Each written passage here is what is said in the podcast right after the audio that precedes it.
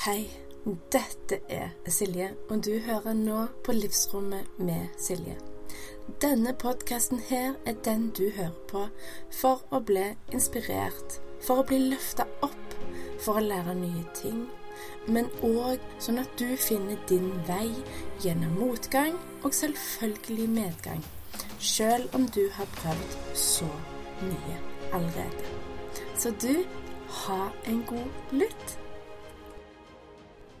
Denne podkast-episoden her, den er sponsa av mine nye mentorpakker.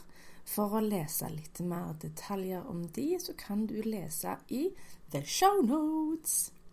Episoden er òg sponsa av kurset til Toren og Susanne som heter Vekk din intuitive healer. Jeg lurte egentlig så veldig på hvordan funker healing? Er det partikler? Hvordan fungerer det? Og fjernhealing er jo enda mer fjernt, pun intended, enn nærhealing når du er på en måte hands on.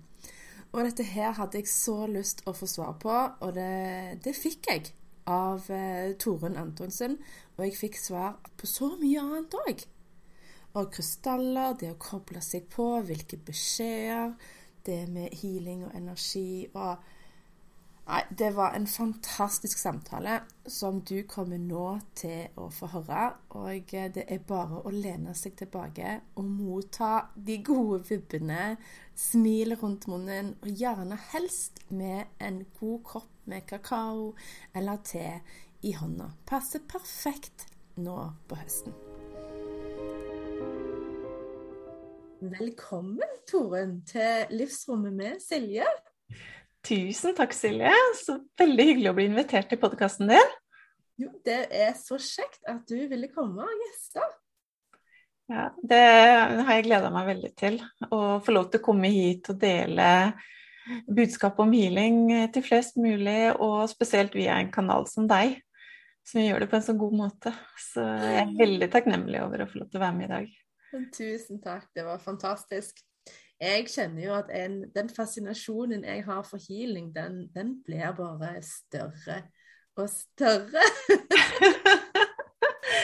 Men det er sånn, vet du, Silje, når du først begynner med det her, så kan du ikke slutte. Du vil bare mer og mer. For eh, jeg følte sånn når jeg var helt fersk, så følte jeg at jeg forsto så mye. Og hvor mer jeg har lært, så forstår jeg mindre og mindre.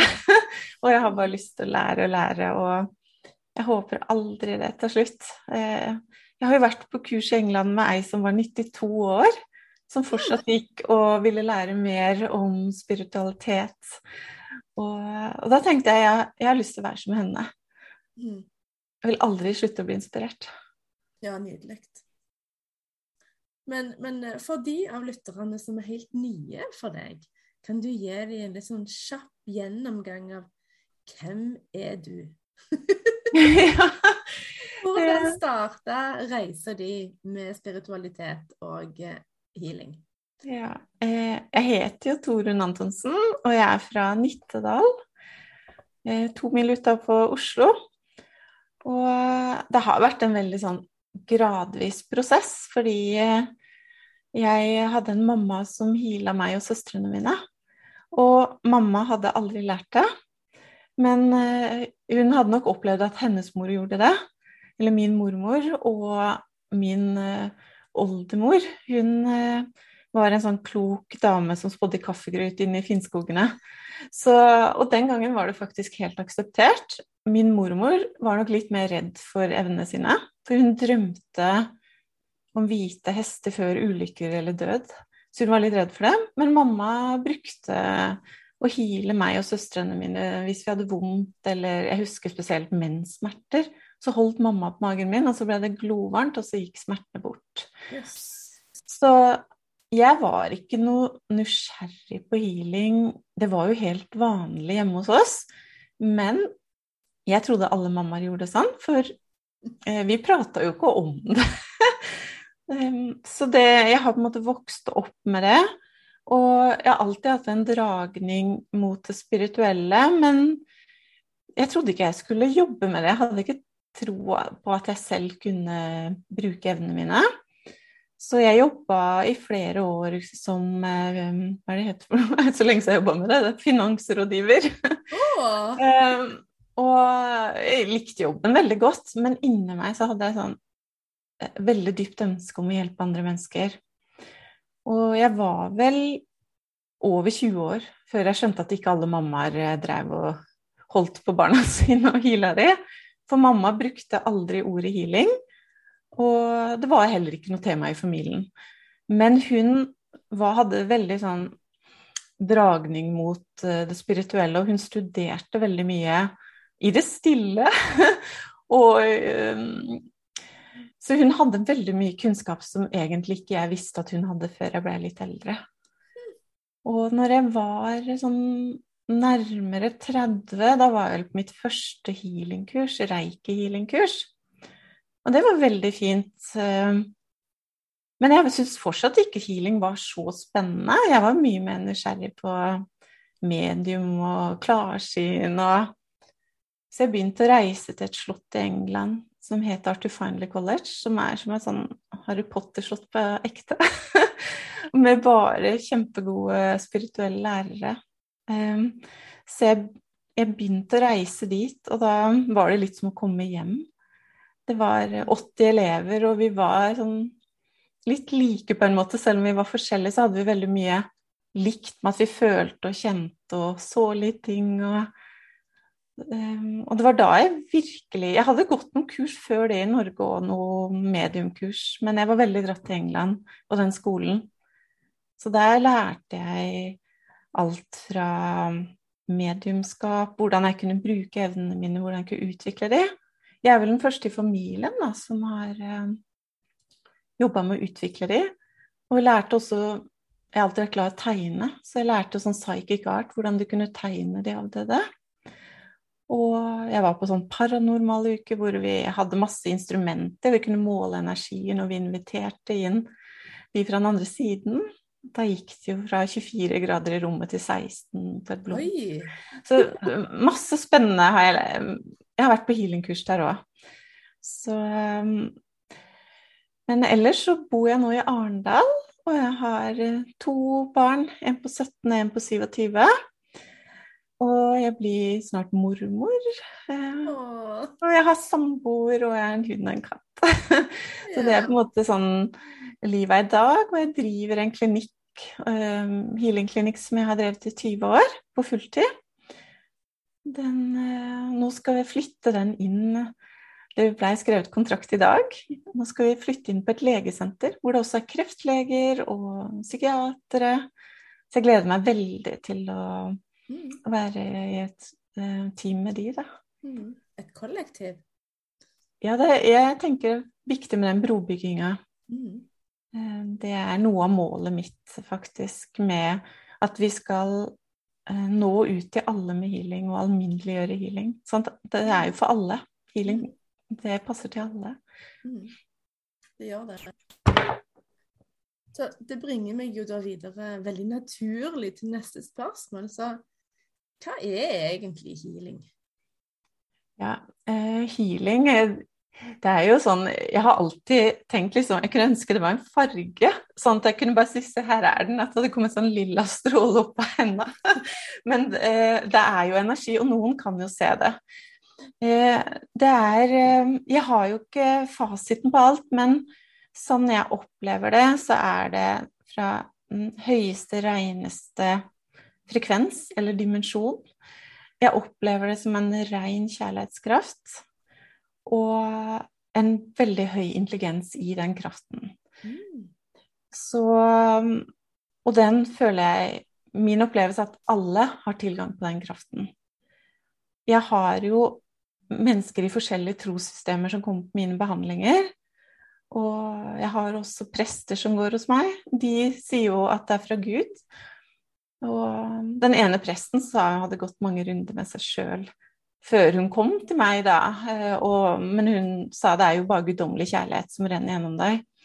Og så har jeg jo ateister som kommer til meg, og så har jeg jo muslimer. Så jeg har hele spekteret. Eh, jeg bruker eh, Jeg bruker egentlig kun ordet healing på det. For jeg har ikke fasiten, og jeg har ingen problem om noen kaller det Gud eller source eller hva universets kjærlighetskraft. Eh, for meg så er det bare en rein, høyfrekvent kjærlighetskraft som kan hjelpe oss på mange, mange plan. Og jeg opplever at det skjer veldig store ting med healing. Og noen ganger så opplever jeg òg at ikke det hjelper for det som pasienten kommer for eller ønsker hjelp til. Da. Og, og da er det jo lett å tenke sånn som sikkert mange kristne tenker, da. At hvorfor får den hjelp, men ikke den? Men det jeg har skjønt, det er at healing skjer uansett. Eh, noen ganger så er det viktigere for kraften å hile sjelen enn f.eks. å begynne med kneet, som har en skade. Så jeg vet at det skjer alltid healing, men vi vet ikke alltid hva som er best. Og vi vet heller ikke hvorfor vi skal erfare forskjellige ting. Så jeg tenker at det med at vi går gjennom mange tøffe ting i livet, også sykdom, så får vi en livserfaring, så vi utvikler oss, og sjelen utvikler seg. Så hvis vi da hadde fjerna alt, da, hadde vi fått de erfaringene da? Så jeg tror at det som skjer under healingen, er alltid korrekt. Men det er ikke alltid det vi selv ønsker at skal skje. Mm. Og noen ganger skjer det mye mer enn vi tenker er mulig, da. ja. Altså, jeg har fått healing eh, flere ganger litt sånn hands on. Og jeg har ikke fått eh, fjernhealing. Så jeg, jeg, Vi snakket jo litt om det før opptaket, med at egentlig det er jo den samme krafta. Men, men eh, ja, vil du prøve å få si, utdype litt hva er det som egentlig skjer med fjernhealing kontra si, i rommet hands on? Og er det energipartikler, liksom hvordan Ja. Eh, det som eh, jeg syns er så fint forklart av en eh, overlege, han overlegen som dro i gang forskning på Healing i Norge, han heter Olav Knutsen Baas. Han sier det For han har forska mye på medisin før, og nå forsker han jo på healing. Han sier det at det er akkurat som med bakterier. Så han før i tida så så de jo ikke de. Men han sier sånn er det med healing at seinere så vil man ha nok instrumenter til å, at dette her er like selvfølgelig som bakterier. Eh, at du vil kunne bevise det mer og mer. Og det er vel allerede også en god del bevis som er gjort ute i verden der. Det, det som jeg opplever med hands on healing og forskjell til fjernhealing, da, det, det, er ikke så forskjellig. Eh, veldig ofte når jeg har en pasient på healingbenken, så, så kjenner de varme fra hendene. Noen kjenner kulde. Hvis de har en betennelse, så kan hendene bli sånn iskald energi. For da trenger kroppen kald energi. Eh, strømninger Noen opplever Noen av klientene mine Det er sånn når du får healing, så åpner du veldig opp for dine egne evner. Så en veldig behagelig måte å åpne opp for evnene på. Og noen av klientene mine begynner jo etter hvert å se ting i rommet under healingen. Og da ser de mange ganger eh, healing-guidene mine som står rundt meg, og de ser lys som kommer ned i spiralform, og de ser at det jobbes, at vi er flere, da. Eh, men så har jeg så Før så jobba jeg mest sånn hands on healing, men så kom jo den der koronatiden mm. og lockdownen. Og da var det jo bare å stenge hele klinikken. Eh, og jeg syntes synd på meg selv i en uke. Satt og var veldig stressa over økonomien. de oppsparte midlene gikk jo ganske fort, for utgiftene var jo like. Så da tok jeg et Zoom-kurs, og så lærte jeg meg Zoom. Og da, da åpna helt ny verden. Både de klientene jeg allerede hadde, og klienter i hele verden. Eh, Australia, USA, hvor jeg begynte med fjernhealing. Og, og vi gjør sånn som vi gjør nå. Nå sitter vi på Zoom, og jeg ser klienten, snakker med dem, og så fjernhealer jeg en halvtime, og så snakker vi igjen. Og da, til å begynne med, så Jeg var så redd for å på en måte være en som lurte folk, da. Eh, men de resultatene som var på fjernhealing, det var jo ingen eh, forskjell på det som skjer på kontoret, de hadde sterke opplevelser, eh, og de lå jo som regel avslappa hjemme i sin egen stue eller en god sånn lenstol. Og jeg satt her og visualiserte at de var foran meg, så jeg følte jeg jobba gjennom de på samme måte. Um, og det har vært kjempespennende, så jeg syns ikke i dag at det er så veldig forskjell. Men det er veldig fint å ha den kontakten på kontoret, at du faktisk kan holde rett på pasienten og, og ja, så jeg vil nok fortsette med begge deler. Jeg har ikke gått tilbake til å jobbe bare hands on. Eh, nå er det sånn 50-50% tenker jeg. Mm.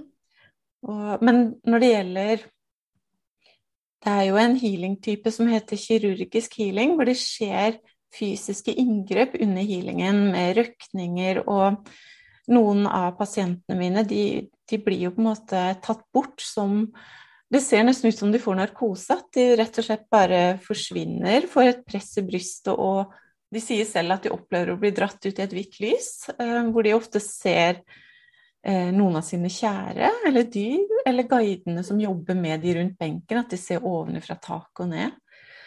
Og de, hvor det skjer, da skjer det eh, store kirurgiske endringer som også er dokumentert av bl.a. Rikshospitalet. Yes. Hvor det kun har vært healing som har skjedd i mellomtida på dokumentasjonen. Da. Og, og, det har jeg enda ikke opplevd med fjernhealing. At det skjer det samme med at de forsvinner ut, men at det har skjedd at de har ligget hjemme sin, på sin egen sofa mens jeg fjerner, og at de kjenner røkninger og sånn. Eh, og sånn småkorreksjoner. Men det med at de forsvinner helt, det har jeg kun opplevd på kontoret. Mm. Og det har gjerne ikke begynt sånn med første time, men det har gjerne vært en sånn prosess. At de åpner mer og mer opp, og så um, Ja, de føler et press i brystet, og noen kan bli litt engstelige til å begynne med, men når de begynner å slappe av med det, så slapper de av, og så fyker de ut. Mm. Og da, da, får de god hjelp. Da skjer det mye. Ja, og da kommer de tilbake når healingen er ferdig. Så ser du at healingen avsluttes, alt ror seg ned, og så, og så ser du på en måte de kommer tilbake. Da. Mm. Og da er det som å våkne opp av en narkose. De er ganske trøtte og litt svimle og sånn med en gang. ja. Jeg har eh, meditert eh, som en del av min daglige praksis i egentlig flere år. Mm. Og det er jo sånn når man kommer ut fra en skikkelig god meditasjon, så er man jo litt i ørska. Man er liksom litt sånn eh, segen, trøtte, og man merker at hjernen er liksom ikke helt, helt på. Eh, og da er det jo Gi litt tid, så er, det jo, er man jo tilbake. Ikke at det har noe sammenheng for øvrig med med, med healing-narkose, men jeg kjenner følelsen. ja, og det, det, du kjenner der, det er nok det som er det mest vanlige å kjenne etter healing. Eh, og de, det er de færreste det skjer sånn kirurgisk healing med. De fleste så er det mer at de er våkne og til stede. Eh, og de kan være litt sånn som du er etter en dyp meditasjon, da. Jeg må bare si jeg har en hund som snorker litt i bakgrunnen her.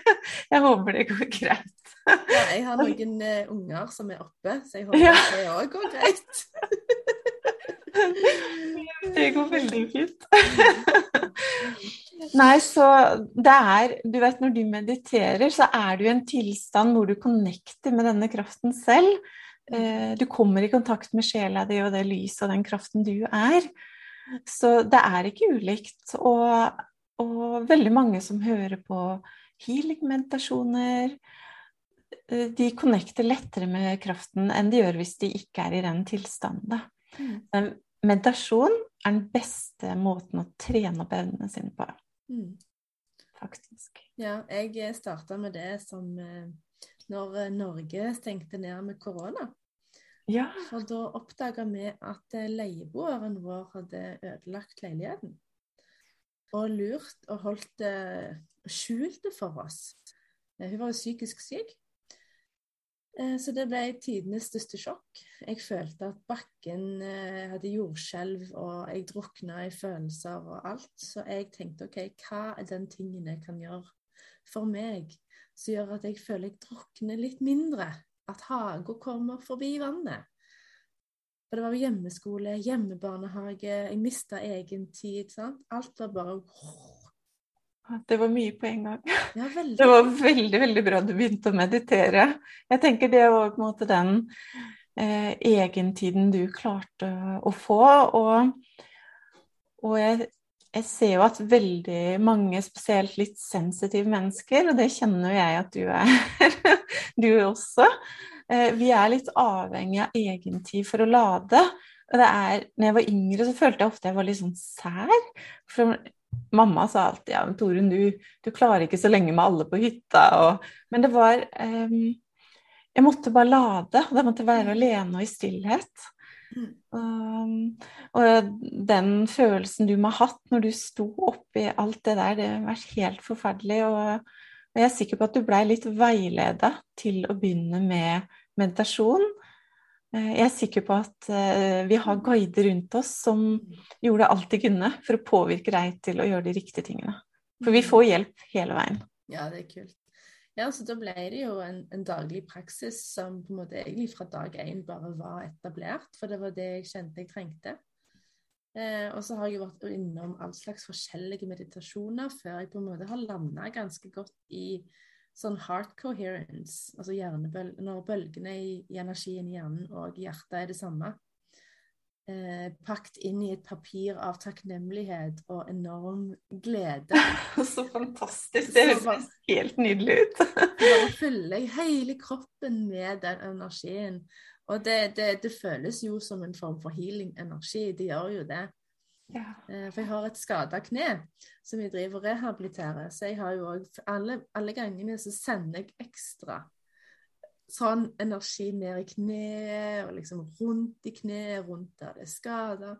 Å, så bra at du gjør de tingene. Jeg skal ta og sende litt uh, fjernhealing til kneet ditt i kveld, jeg også. Å, tusen takk. Få litt ekstra boost. ja, jeg setter pris på det. Nei, så Det har vært en nydelig reise til nå. så Jeg kjenner jo at det, det kribler på en måte ekstra med, med hva som kommer. Eh, og jeg skal jo være med deg på kurs. Ja, jeg, det blir så gøy. Ja, eh, det blir helt magisk, det vet jeg. Ja, nei, det blir kjempegøy, og det er jo sammen med ei annen fantastisk healer som kaller seg Healer Susanne. Mm. Og, og, jeg føler liksom at vi kan gjøre dette sammen. Vi er to veldig forskjellige healere. Og det viser jo på en måte at du trenger ikke å være kun på den eller den måten for å være en god kanal. Eller du trenger ikke å bruke bare én type teknikk. Det er det at vi finner vår egen unike måte å formidle kraften på. Og jeg føler at sammen så Det der blir sterk energi og kjempegøy og en sånn skikkelig kickstart for de som har lyst til å åpne opp mer for evnene sine. Mm. Og det er eh, jeg vet at noen har sånn lav um, selvtillit på det å gå på kurs, for de er redd for ikke å være gode nok. Men det kurset her er for alle, og man skal ikke prestere noe, man skal bare få. Og få masse hjelp til å åpne opp, og flotte kanaliseringer av Susanne. Og, og lære om guidene og mange gode øvelser. Mm. Jeg har jo, som jeg sa tidligere, jeg har jo tatt så mange kurs, så jeg har så mye fin lærdom som jeg vil dele videre. Mm. Så vår erfaring til sammen, det, det skal bli bra. Mm. Og veldig gøy at du blir med, da. Mm, ja, det gleder meg skikkelig. Jeg kjenner sjela mi juble. ja, og jeg vil jo anbefale deg, fordi jeg vet at du liker krystaller. Eh, og når du skal på det kurset, eller når du skal meditere, mm. så ville jeg jo anbefalt deg å ha noen krystaller i nærheten. Mm. Og um, veldig ofte så åpner de opp eh, for enda mer, eh, for høyere dimensjoner, og du lettere kommer i kontakt med guidene dine. Mm. Er det noen krystaller du vil si er, er bedre å ha på sida av senga, sånn gjennom natta? Um, det er i hvert fall en av mine favorittkrystaller ville jeg ikke hatt i siden av senga, fordi uh, den er så sterk. Og det, det er jo selenitt. Den kalles healingstein, mm. og den eh, kalles også englestein. Den, den er så rein energi i, men den er veldig, veldig sterk. Og den skjærer gjennom blokkeringer, og den åpner jo opp for denne her kjærlighetskraften. Men det er en sånn elleveminuttersregel på den steinen. Så jeg anbefaler, i hvert fall når man ikke er så vant til det, å kun ha den i hånda eller i siden av seg eh, i elleve minutter. Så, eh, så, den steinen bruker jeg i mange av healing-behandlingene mine. Men jeg bruker den gjerne Jeg bruker en sånn healing-stav, selenittstav, og så bruker jeg den på slutten av timen, og da er det som å skru på en sånn on-knapp. At veldig mange av klientene bare kjenner 'Å, guri, nå strømmer energien'. Um, så den er kjempefin å bruke, men jeg ville ikke hatt den under hodeputa, for den kan bli for sterk. Men jeg har jo brukt den veldig mye selv, um, så jeg tror at jeg tåler den veldig godt. Men jeg vet hvis man er veldig deprimert, f.eks., så kan den bli litt for sterk hvis du holder den foran panna på en. Så ikke begynn liksom med hodet hvis du skal ta, begynn med hånda, eller prøv å legge den på magen. Den mm. kan ikke gjøre noe galt, men den er veldig sterk at det kan bli for voldsomt, da. Mm. Jeg mediterte med den på magen i dag. Jeg pleier ikke å gjøre det. Ja. Og det var langt over 20 minutter, men jeg følte meg egentlig bare veldig klar etterpå. Ja, du tåler den nok godt, og nå har du jo meditert en stund. Men jeg vil i hvert fall ha sagt det sånn at folk er litt obs på det. At den kan være sterk. Jeg har jo sånn på kontorene jeg har barn, så istedenfor å få liksom sånn eh, kjærlighet Det ga jeg før, så ga jeg kjærlighet og godteri. Men så tenkte jeg at eh, jeg skal gi dem heller noe som er bra for dem. Jeg, så nå har jeg en sånn nydelig smykkeskrin med noen gullengler på. Eh, og oppi der er masse fine krystaller, så barna kan velge seg noen krystaller når de har vært hos meg. Da. Og da velger jeg jo flere sånne krystaller som, som de kan ha i nærheten. Um, som f.eks. grønn fluoritt er jo veldig, veldig fin. Mm. Men jeg gir de jo også noen ganger selnittsteiner, og så lærer jeg de litt hvordan de skal bruke de. Mm. Og, og, jeg får veldig gode tilbakemeldinger fra foreldrene etterpå, og fra barna selv når de kommer tilbake. Og de, de passer på disse krystallene og legger de i vinduskarmen til lading av sollys. Så barn responderer som regel veldig godt på krystaller. Og, og, men det er ikke alle pasientene mine som responderer på samme måten på krystall. Så noen så kjenner jeg bare at nei, denne, denne, pasienten trenger jeg ikke å bruke krystall på. At de responderer bedre bare på at jeg bruker hendene. Mm. Men den krystallen kan virke som en sånn laser, så ofte god på en blokkering, f.eks. Hvis det er en sånn blokkering i en skulder, eller mm. Så, mm. så virker veldig bra. Mm. Så det er når du kobler deg på noen, da, og så mottar du jo budskap, beskjeder Hvordan eh, Oppfatter du de? Er det syn? Er det bare noe du vet? Er det video? Lyd? det har utvikla seg veldig hvor mer jeg har trent meg, da. Um, men også er det faktisk litt forskjellig fra dag til dag med min dagsform. Det som er så fint med healing, det er at det, sånn jeg opplever det, så virker det uansett. Eh, fordi jeg er en kanal. Det er ikke min energi jeg gir bort, men jeg er en kanal for healingkraften. Så på en dag sånn som i dag, har jeg jo hatt en fantastisk dag med bare nye pasienter som har vært veldig sensitive, og de har kjent så mye strømninger og røkning og sånn. Og da får jeg òg ofte så På en dag jeg er veldig sånn opplagt, så kjenner jeg mye symptomer i min egen kropp. Eh, hvis de har vondt i skulderen, så kjenner jeg en liten murring i skulderen.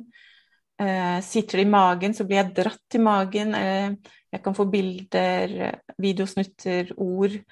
Så på gode dager så får jeg veldig mye informasjon, og jeg føler liksom jeg kan lese de, og det er kjempegøy. Og så har jeg dager som alle har, at noen dager er det tungt. Det kan ha skjedd ting i fjor hadde vi jo mye sykdom i familien, alvorlig sykdom, og da var det litt sånn tøft å gå på jobb og skulle være healer. Og, ehm, og dra mellom sykehusbesøk og, og, det å ta vare på folk på jobb. Da merket jeg at uh, jeg så ikke like mye og snappa ikke opp like mye, men det som var så utrolig, var at healingen virka like bra. Og nesten sånn Det ble enda sterkere, for jeg var vel så åpen. Jeg var jo litt sårbar i den tiden. Mm. Så det er, ikke, det er ikke hver dag jeg Noen dager så føler jeg at det er superlett med en reading, f.eks., hvor jeg kan bruke klarsyn. Noen har jo rein klarsyntime, for det er det mye healing i. At de får oppbacking og, og veiledning og og noen ganger er det som å sitte og bla i en bok eller se en film og lese og fortelle alt mulig, og andre ganger så er det litt tommere. og, og, noen ganger så må jeg si at dessverre i dag fungerte jeg litt dårlig. Um, så tar jeg ikke betaling. Eh, eller så setter vi opp en ny time, så, eh, kan vi prøve en gang til, da. Mm. og det er sånn det er å jobbe med det her, at uh, det er litt forskjellig på informasjonen etter hvor høy jeg er i energien sjøl. Mm. Um, men som kanal så virker jeg uansett. Mm. Det er jo det med, med klarsyn og sånn clairvoyance. Det er jo forskjellige. Det er jo klare ja. De som bare vet ting. Hva, hvordan. Det, det opplevde jeg veldig mye når jeg utvikla meg som medium. Så syns jeg det var litt sånn ja, Først da jeg var liten, da så jeg avdøde. Eh, og så ble jeg eldre, så så jeg bare dusa ansikter. Og så begynte jeg å jobbe med å utvikle meg. Og så plutselig Når jeg var i England, så kunne jeg jo se mange hundre ansikter i et rom. Jeg kunne bare bestemme jeg vil snakke med den eller den. Og så var jeg modig og starta opp som medium også, og så forsvant alle ansiktene. De var bare borte. Eh, og og da var det sånn, men det var veldig vanskelig å stole på. Da bare, bare visste jeg. Det var akkurat som jeg bare kunne måte, koble meg på, så visste jeg hva de skulle si, åssen de hadde hatt det. Mm. Men da trengte jeg masse oppbacking når jeg kom tilbake til England og sa til læreren jeg ser ingen ansikt lenger.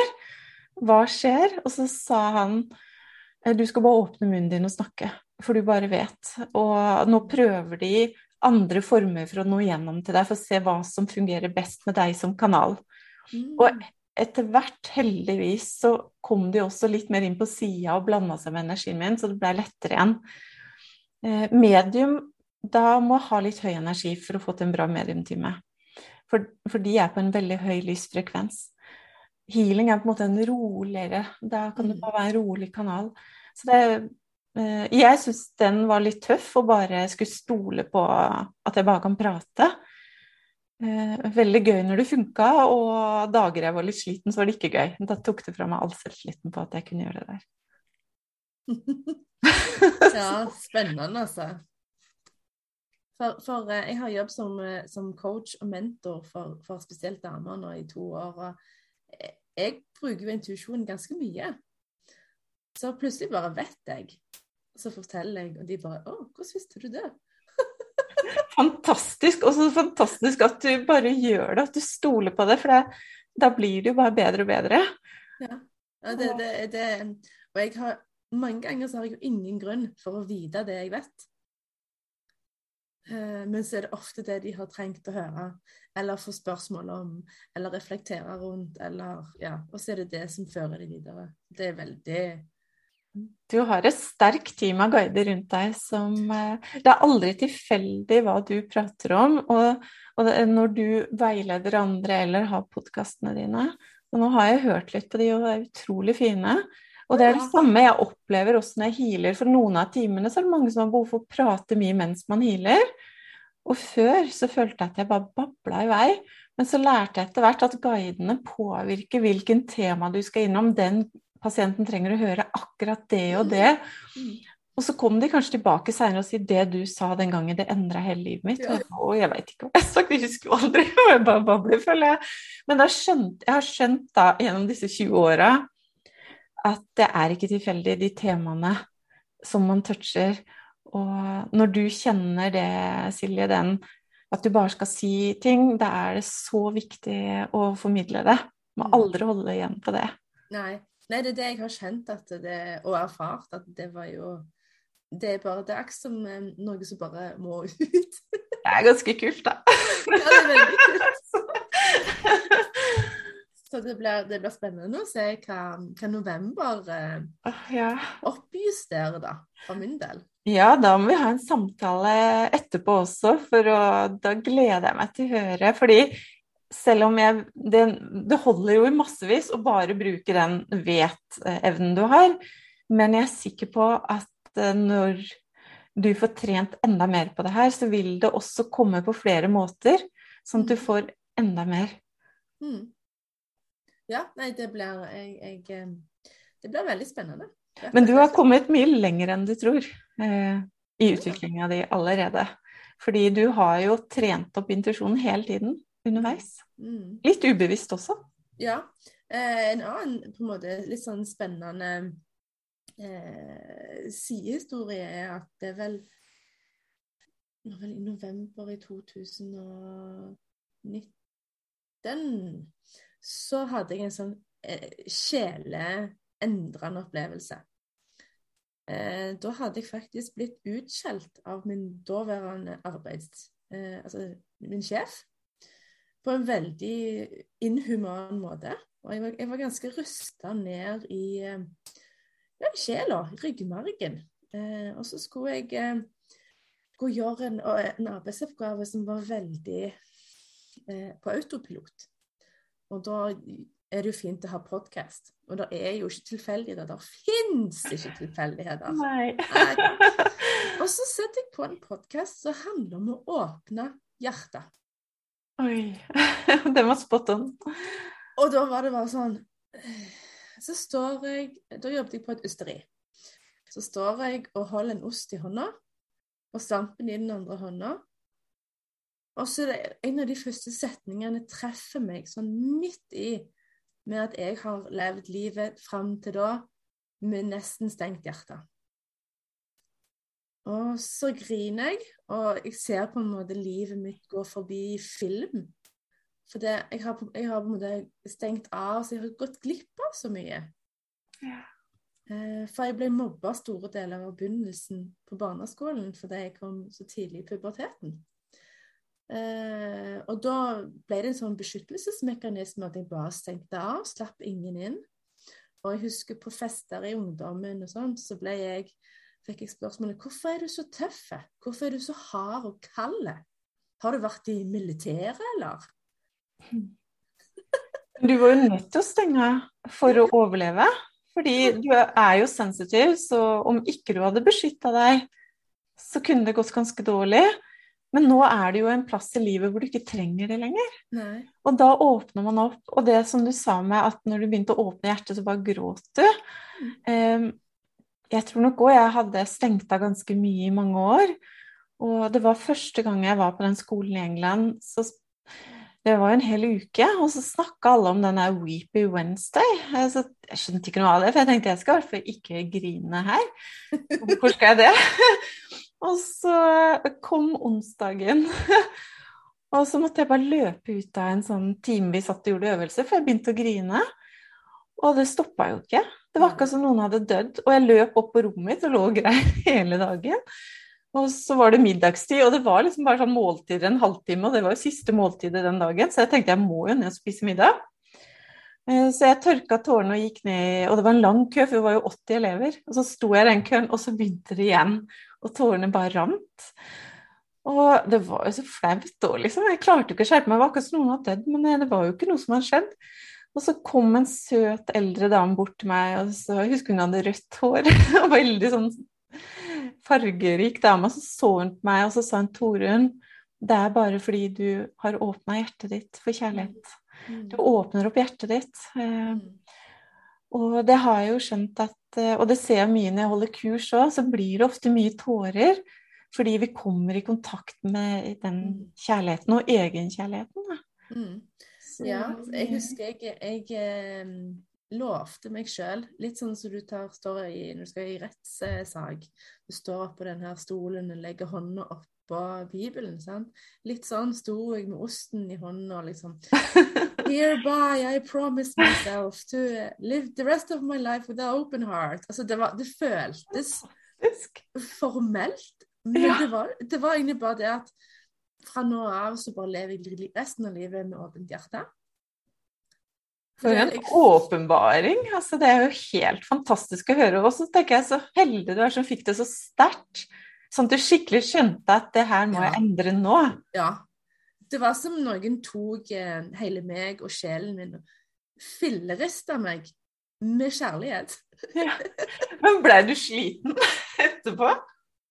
Det var mer litt sånn Jeg så litt i retrospektiv og bare sånn Jeg reflekterte og evaluerte over på en måte livet fram til nå. For jeg har tre unger, og selvfølgelig når man blir mor, så tar man, tok iallfall jeg vekk noen av mursteinene rundt hjertet.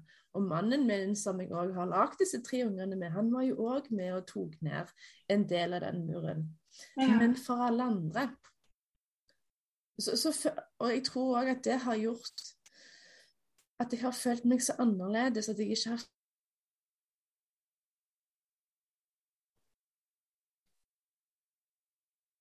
følt at jeg har passet inn. Hva skjedde nå? Ja, det var det, ja. Eh, og sånn at jeg på en måte jeg følte meg ulik og, og utilpass og annerledes. Ja. Um, men jeg da fjerna den og på en måte omfavna mer av den jeg var, så, så, er jeg jo ikke annerledes og ulik, for vi alle sammen er ulike.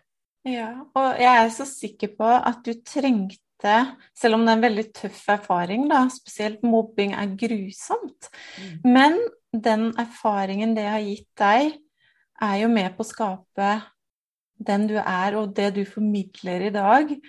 Og veldig mange vil kjenne seg igjen i det du deler. Så du kan hjelpe så vanvittig mange når du har den egenerfaringen fra hvordan det er å ha det sånn, og hvordan det er å åpne opp hjertet og, og, og, endre livet sitt totalt. Og jeg tenker, sånn som du sa, det er ingenting som er tilfeldig. Men det er ganske tøft uh, der og da uh, i noen situasjoner. Men jeg ser jo, sånn som jeg nevnte, sykdom i familien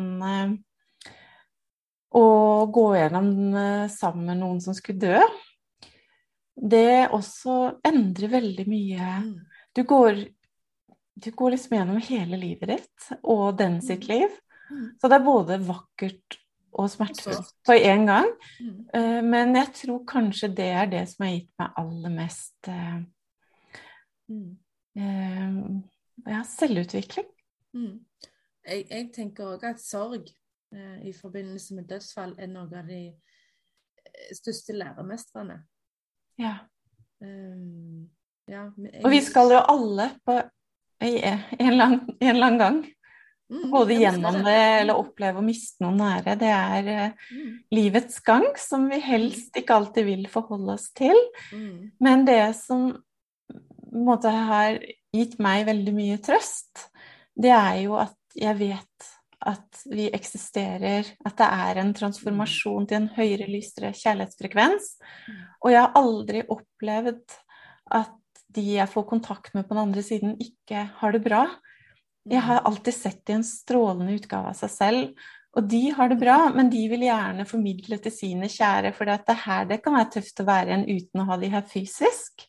Mm. Men de gjør alt de kan for å nå gjennom med kjærlighet om at de har det bra, og gjerne hjelpe og støtte oss der vi er. Mange er kanskje ikke så klar over liksom, signalene, men det er litt sånn hvis du tenker på noen du er glad i på den andre siden, og så kanskje setter du på radioen, så kommer det en beskjed i den låta som du hører med en gang, eller en setning du kanskje har bedt om svar på. Eh, veldig mange opplever jo å se mye sånn like tall, 22, 22 og 11, 11 og og jeg har opplevd veldig mye sånn hjertetegn. Jeg hadde en periode jeg hadde lange sykehusopphold.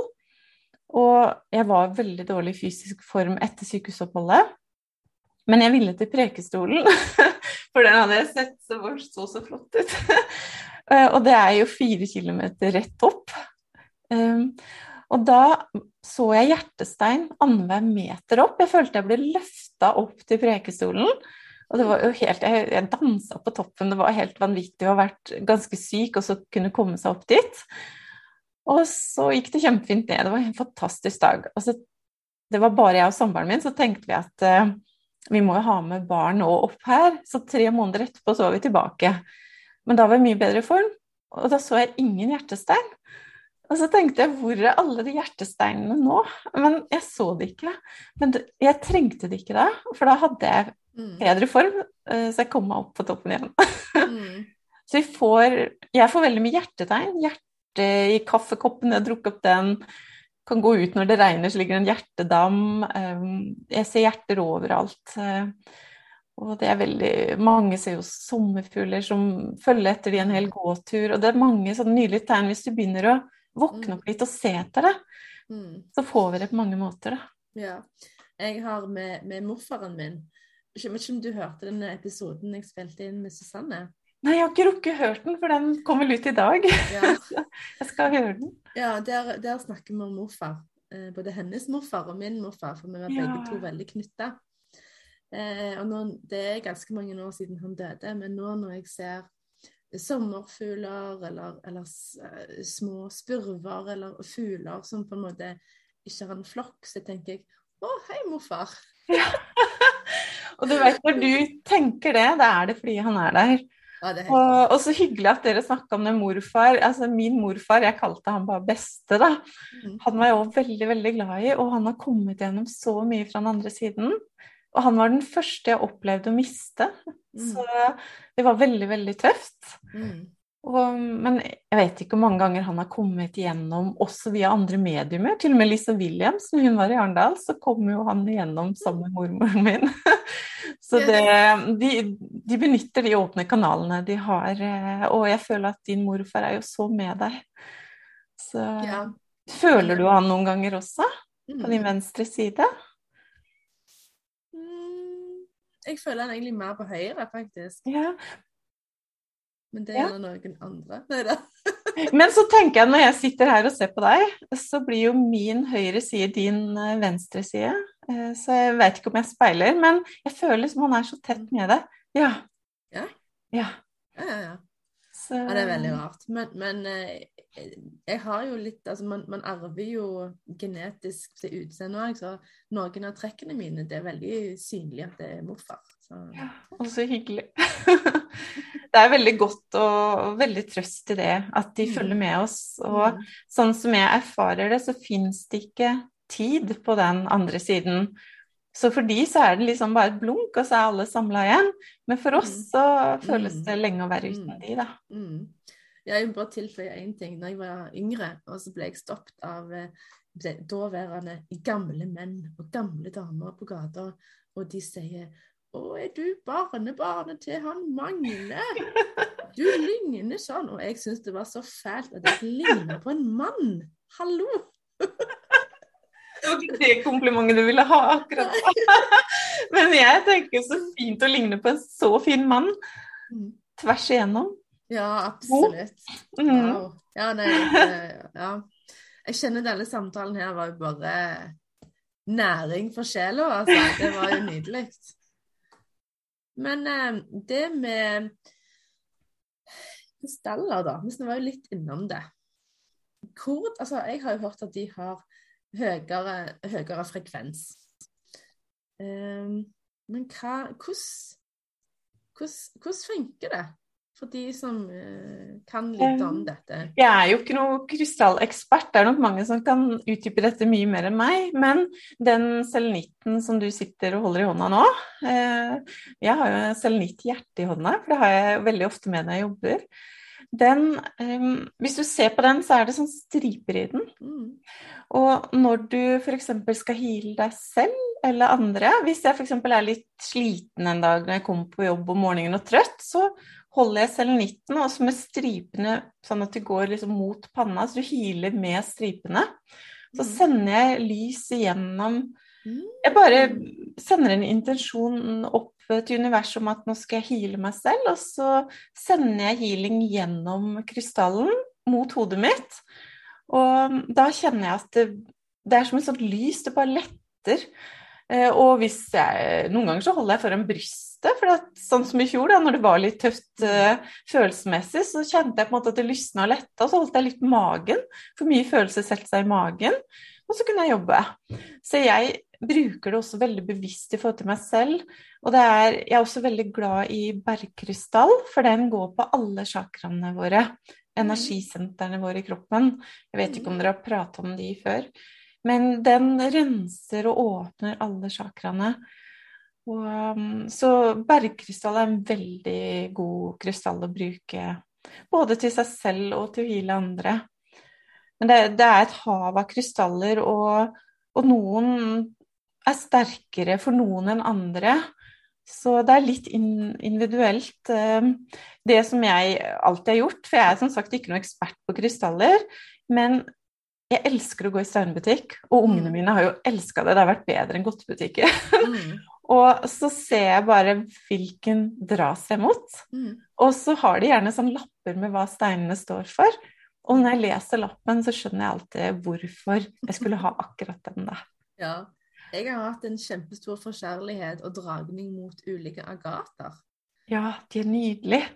Jeg lurer på om den ene jeg har her, er en sånn blå en. Jeg er ikke, som sagt ikke helt ekspert, men denne her går på healing. Jeg fikk den av, fikk den av en av healing-skolestudentene mine. Ja, det er samme. Den er jo helt nydelig. Heter den blå agat? Ja, men de har jo ulike sånn skyggene. De har litt sånn annerledes navn. Men, ja. men, men, den går veldig på healing, i hvert fall. Ja, Min svigerfar holdt på med Han var en gull- og sølvsmed. Og han hadde masse, masse steiner og sånt òg. Eh, så når jeg kom hjem fra ferie etter å ha vært på marked i Danmark og kjøpt med meg en blå og en rosa agat, så lagde han sånn anheng så jeg kunne ha det på.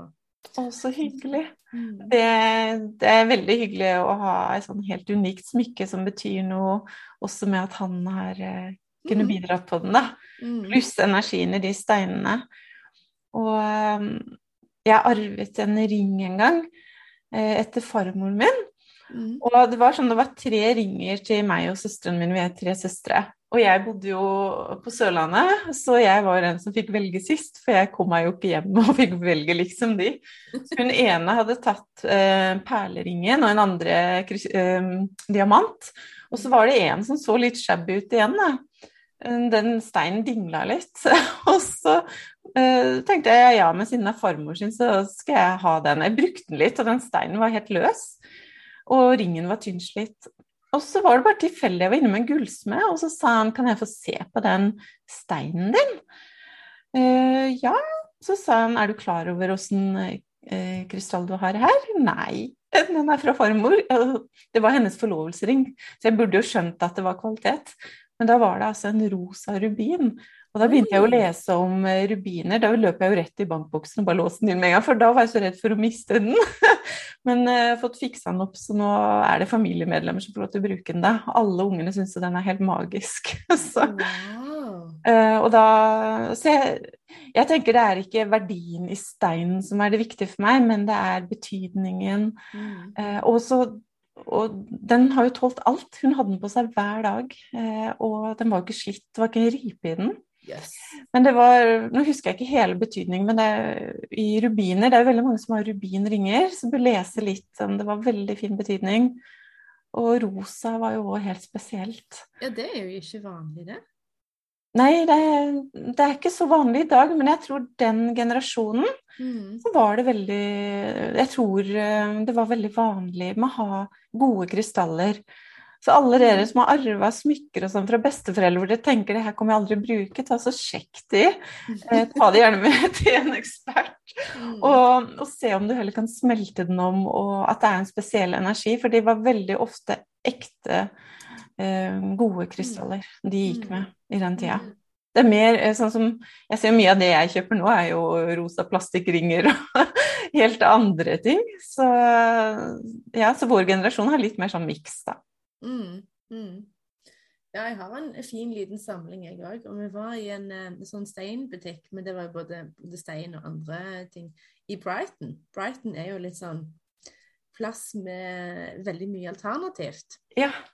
Og eh, den butikken var bare helt fantastisk. Det var som om du gikk inn i den, den tidenes største godtebutikk for sjelen.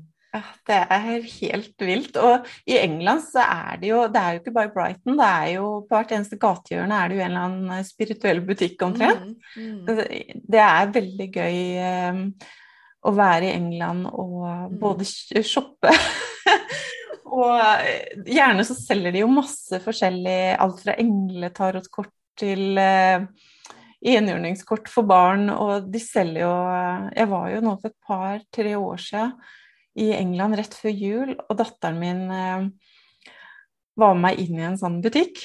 Eh, og så, så, var det noen som hadde reading der. Så tenkte jeg hadde litt lyst på en reading, for jeg, ingen klarsynte leser seg sjøl helt. Mm. Så mens jeg hadde reading, så var jo hun og shoppa i andre etasjene. og da kjøpte hun seg sånne kort for barn òg. Og det er bare sånne gode Men det, det, er helt utrolig mye hjelp det er verdt når de kan trekke et kort og få en god beskjed. Mm. Så um, Nei, så det er både for voksne og barn har glede av å gå i de butikkene der. Mm. Og samboeren min, som aldri egentlig har vært opptatt av stein, han, han er veldig kreativ og, og, skriver bøker og tar bilder og, og han har jo også vært med i steinbutikker da, eh, og plukka seg ut eh, steiner som mm. går på det kreative. Og etter det så har han jo faktisk eh, gitt ut flere bøker. Kult. Så jeg anbefaler Det er ikke bare for damer, det her, altså. Nei, nei, nei. nei. Når, når, vi var i den i butikken i Brighton, så gikk vi jo veldig ivrige inn i, i den butikken, både meg og mannen min. Ja, så bra. han, han, kjøpte en tigerøyestav ja. eh, som jeg har her, faktisk. Skal vi se. Oi, den var skikkelig fin. Mm. Jeg hadde en venn som var på en sånn healingreise i et Jeg husker ikke om det var Brasil. Og så sa han Torunn, skal jeg kjøpe meg noe til deg? Og så hadde jeg lyst til å si kan du ikke kjøpe meg en bergkrystallengel fra den plassen? Mm. Men så idet jeg skulle si det, så så jeg en bergkrystallengel, så jeg visste at han kom til å kjøpe det til meg. Så sa jeg hvis det er noe du føler du dras mot, så ta det med. Og så kom han hjem, mm. og så var det en sånn liten bergkrystallengel. Akkurat den jeg har sett. Så Nei, det er masse, masse spennende med krystaller, men eh, det er masse mer å lære for meg også mm. der. Mm. Men jeg tror vi dras mot de som blir riktige for oss, så følg litt magefølelsen, og så les på disse lappene, så vil du skjønne hvorfor akkurat mm. du skal ha den steinen. Mm. Kult.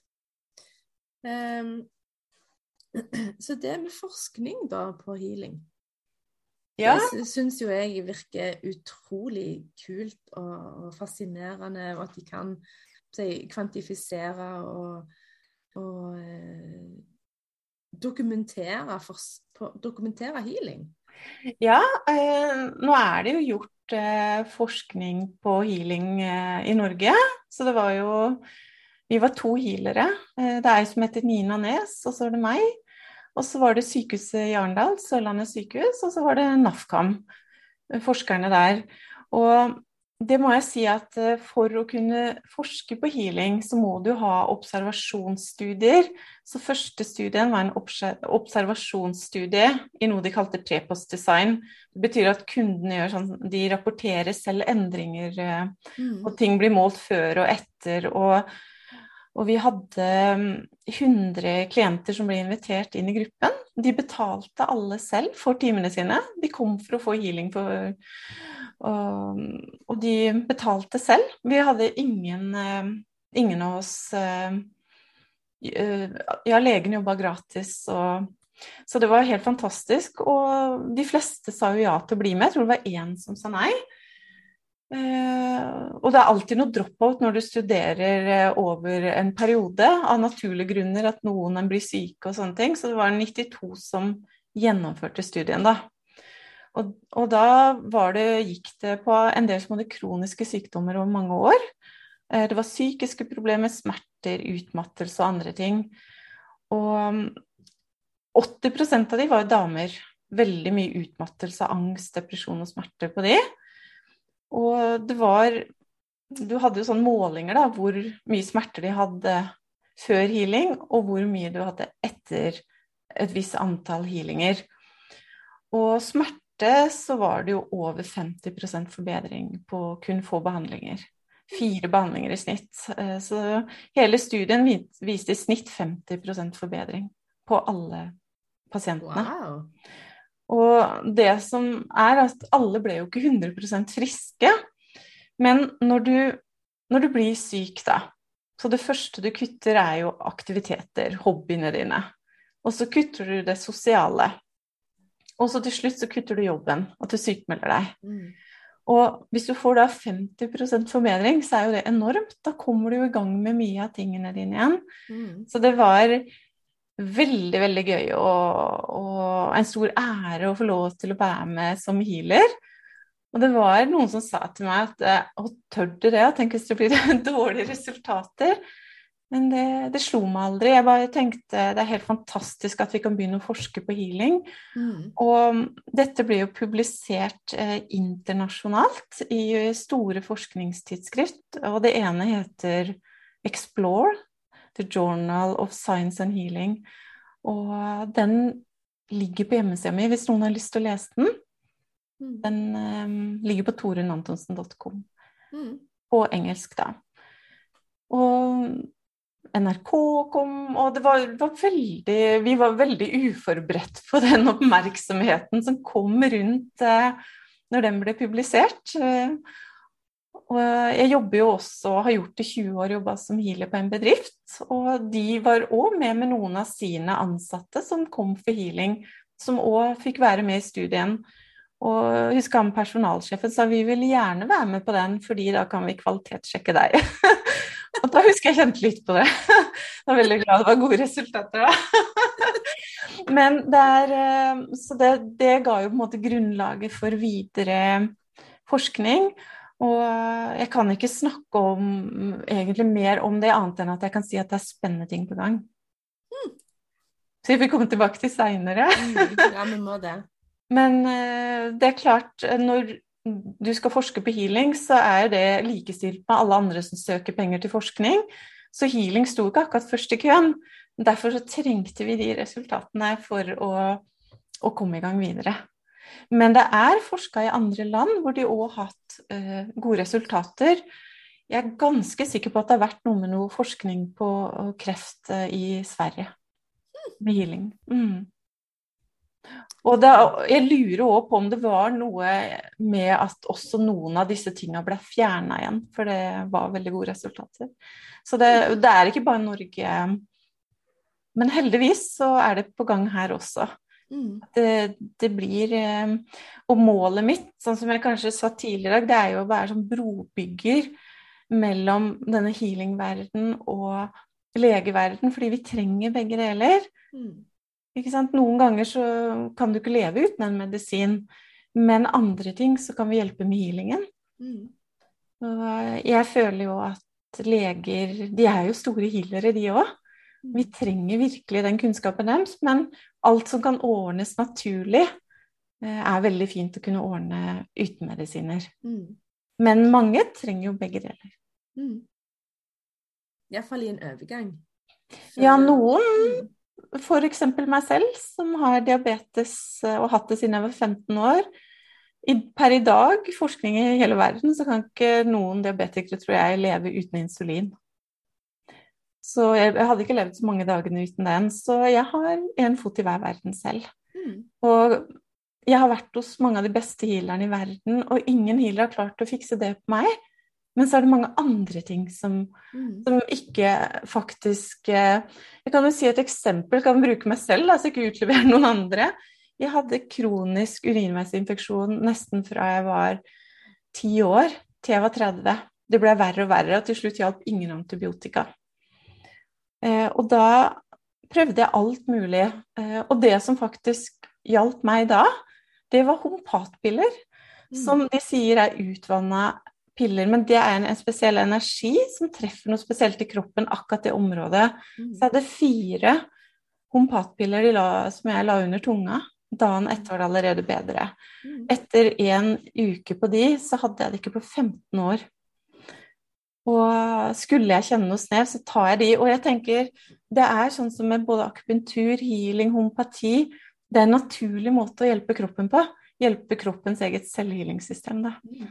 Så, så, jeg responderer veldig godt på naturlige ting, men akkurat insulin, den har jeg ikke klart meg uten. Nei. Men, uh, men, men da har jeg den erfaringen òg, åssen Ja. det er å ha en kronisk sykdom. Ja. Det er veldig kult med homopati. Jeg, det responderer veldig bra på meg òg. så lenge man treffer rett middel.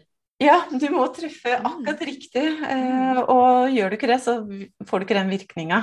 Ja. Jeg bruker den på dyra også, faktisk. Ja, ja det er helt det er steinkult. Jeg fikk eh, brystbetennelse med hun minste når hun var syv dager gammel. Så bestemte hun seg for å sove natta rundt. Og da hadde jo jeg sånn eh, melk hadde akkurat kommet i gang i puppene, og det var skikkelig spreng. Og så fikk jeg jo ikke tømt, sant. Og så ble det den betennelsen, skyhøy feber. Jeg tror, jeg tror, jeg hadde på meg sikkert syv-åtte lag med klær. To dyner, noen tepper. Og når jeg skulle amme, så måtte jeg brette ett lag opp, ett lag ned, for å liksom komme fram til puppen etter hvert. Og så kom jeg på, for jeg hadde kjøpt et sånt nybegynnerkit på homopati mens hun var i magen. Så sier jeg til mannen min du, gå og se, for der, der sto det jo forklaring på hva du skulle bruke disse her enkelte til. Ja. så gå og se om det er noen av de som går på feber. Eh, eller noe sånt. Og han gikk og så, og han sa jo, denne her Belladonna gjør det. Og jeg bare ja, ja, la meg få fire. For jeg hadde skjønt at det var liksom akutt eh, dosering. Innen fem minutter så kunne jeg kle av meg alle disse lagene og gå en normalt kveld. Helt fantastisk. Jeg, jeg, jeg, tenker alt som vi kan ta naturlige ting, mm. som healing eller andre naturlige Jeg tenker det fins en healing for alt i naturen, men det er ikke alt vi vet om ennå. Mm. Og jeg tenker jo sånn som med kreft òg, fram i tid så har de også naturlige ting, tenker jeg, som kan hjelpe for det. Men uh, vi er ikke der helt enda med hele den fasiten, da. Nei. Så, mm, så jeg, jeg, tenker hvor mer vi kan samarbeide, at vi som healere, vi får jo Det er ofte en lav terskel for å komme på en healingtime, men noen har høy terskel for å gå og plage legen, som de kaller det. Gjerne litt sånn mine foreldres generasjon. De vil liksom ikke plage legen. Men veldig ofte da, når de kommer til healing, så kan jeg se at eh, og også sikkert mye fordi jeg har medisin, grunnfag og soneterapiutdannelse, sånn, så kan jeg se oi, her er det alvorlige symptomer. Så jeg må på en eh, rolig måte få de til å gå til legen uten å skremme de, sånn at legen faktisk fanger opp oi, her er det alvorlig hjerteproblem. Mm. Eh, så, så redder de livet til pasienten. Og der ville ikke jeg stått ansvarlig for den pasienten uten å sende videre. For da kan de nå mm. blokke en åre, og så alt åpner seg igjen. Mm. Så eh, selv om jeg hovedsakelig vil ha alt naturlig som er mulig, så så er min erfaring med at vi trenger begge deler. Mm. Mm. Det er eh, Ja, de har kommet langt, de også. De blir jo mm. bedre og bedre på sin ting. Eh. Mm. mm. de gjør det. Eh, men før vi avslutter, så vil jeg jo bare si at eh, jeg gleder meg veldig til kurs. Og så håper jeg jo at eh, flere som hører på òg blir med, selv om de gjerne ikke tenker at de eh, har så mye evner allerede. Så det er jo egentlig bare å motta, åpne opp, lære nye ting, erfare nye ting, vokse. Mm. Mm. Helt fantastisk. Og det er så viktig at dere som hører på det her, skjønner at dette her med evner, det er ikke noe bare noen få utvalgte har. Vi er skrudd sammen veldig likt alle sammen. Vi har samme type energisenter i kroppen. Og vi har alle tilgang på å hente mer informasjon og lære å åpne opp. Så dette kurset er for alle, og dette er ikke et kurs du trenger å prestere noe. Du kan rett og slett logge deg på bare få masse påfyll og veiledning, gode øvelser og flotte kanaliseringer fra Susanne, som også er med på å åpne opp. Og så har de som har lyst, kan spørre spørsmål, og vi deler masse erfaring. Så jeg vet at det blir eh, høy energi, det blir veldig gøy, veldig spennende. Mm. Og en skikkelig kickstart for mange til å, å åpne opp kanalene sine. Og få teknikker du kan ta med deg videre som hjelper deg i hverdagen. Ikke bare når man jobber med sånne ting som eh, vi gjør, med å formidle, men også i det daglige livet. Jeg kunne ikke tenkt meg et liv uten tilgang på dette lenger. Det hadde blitt veldig tomt. mm, mm. Så, og dette er jo onsdagskvelder i november, og det blir også opptak. Så skulle du miste en kveld, så er det mulig å mm. få det med seg allikevel. Så mm. det blir kjempegøy. Ja, det gjør det. Så da er det jo bare å ha med en oppfølgingsepisode planlagt i desember, meg og deg, da. ja, det gleder jeg meg til. Og det skal bli gøy å høre. Kanskje vi må ha med Susanne òg, da, hvis det er mulig? Ja, ja, det kan vi gjøre. Det blir bra. Alle gode ting er tre, vet du. yes. Men eh, til, til, nå så sier jeg tusen takk, Torunn. Dette her var fantastisk. Eh, du er fantastisk, og jeg gleder meg til ja, jeg skal være i kurs sammen med deg. Tusen takk for at jeg fikk komme, og det har vært så koselig å bli kjent med deg. Og gleder meg til fortsettelsen. Ja, takk i like måte. Denne episoden her spilte meg og Toren inn en kveld. Og noe av det første vi sa før vi tok opp, opptaksknappen på, var, var begge to at vi var litt trøtte. Og litt sånn vi, vi, får, vi, får, se hvordan det går, og håpe at det går uh, det beste det kan. Uh, men den samtalen, den næra i hvert fall sjela mi så til de grader at jeg var oppglødd, jeg var gira, jeg var engasjert. Jeg, å, jeg hadde fått påfyll til liksom alle delene. Eh, og jeg håper virkelig at eh, du òg har fått iallfall litt av det. For det var det, den energien da som mer og mer kom fram i episoden. Og, eh, og hvis du likte den så godt som jeg og Torunn håpte, så ta screenshot, del på Instagram. Instagram. Tagg både meg og Torunn, og gjerne del med oss hva var den største læringen, eller det du tok med deg ifra episoden. Stikk gjerne òg inn på Apple Podcast eller Spotify og gi podkasten så mange stjerner du vil, og gjerne legge igjen noen ord om at du syns Livsrommet med Silje det er helt gull. så høres vi neste uke.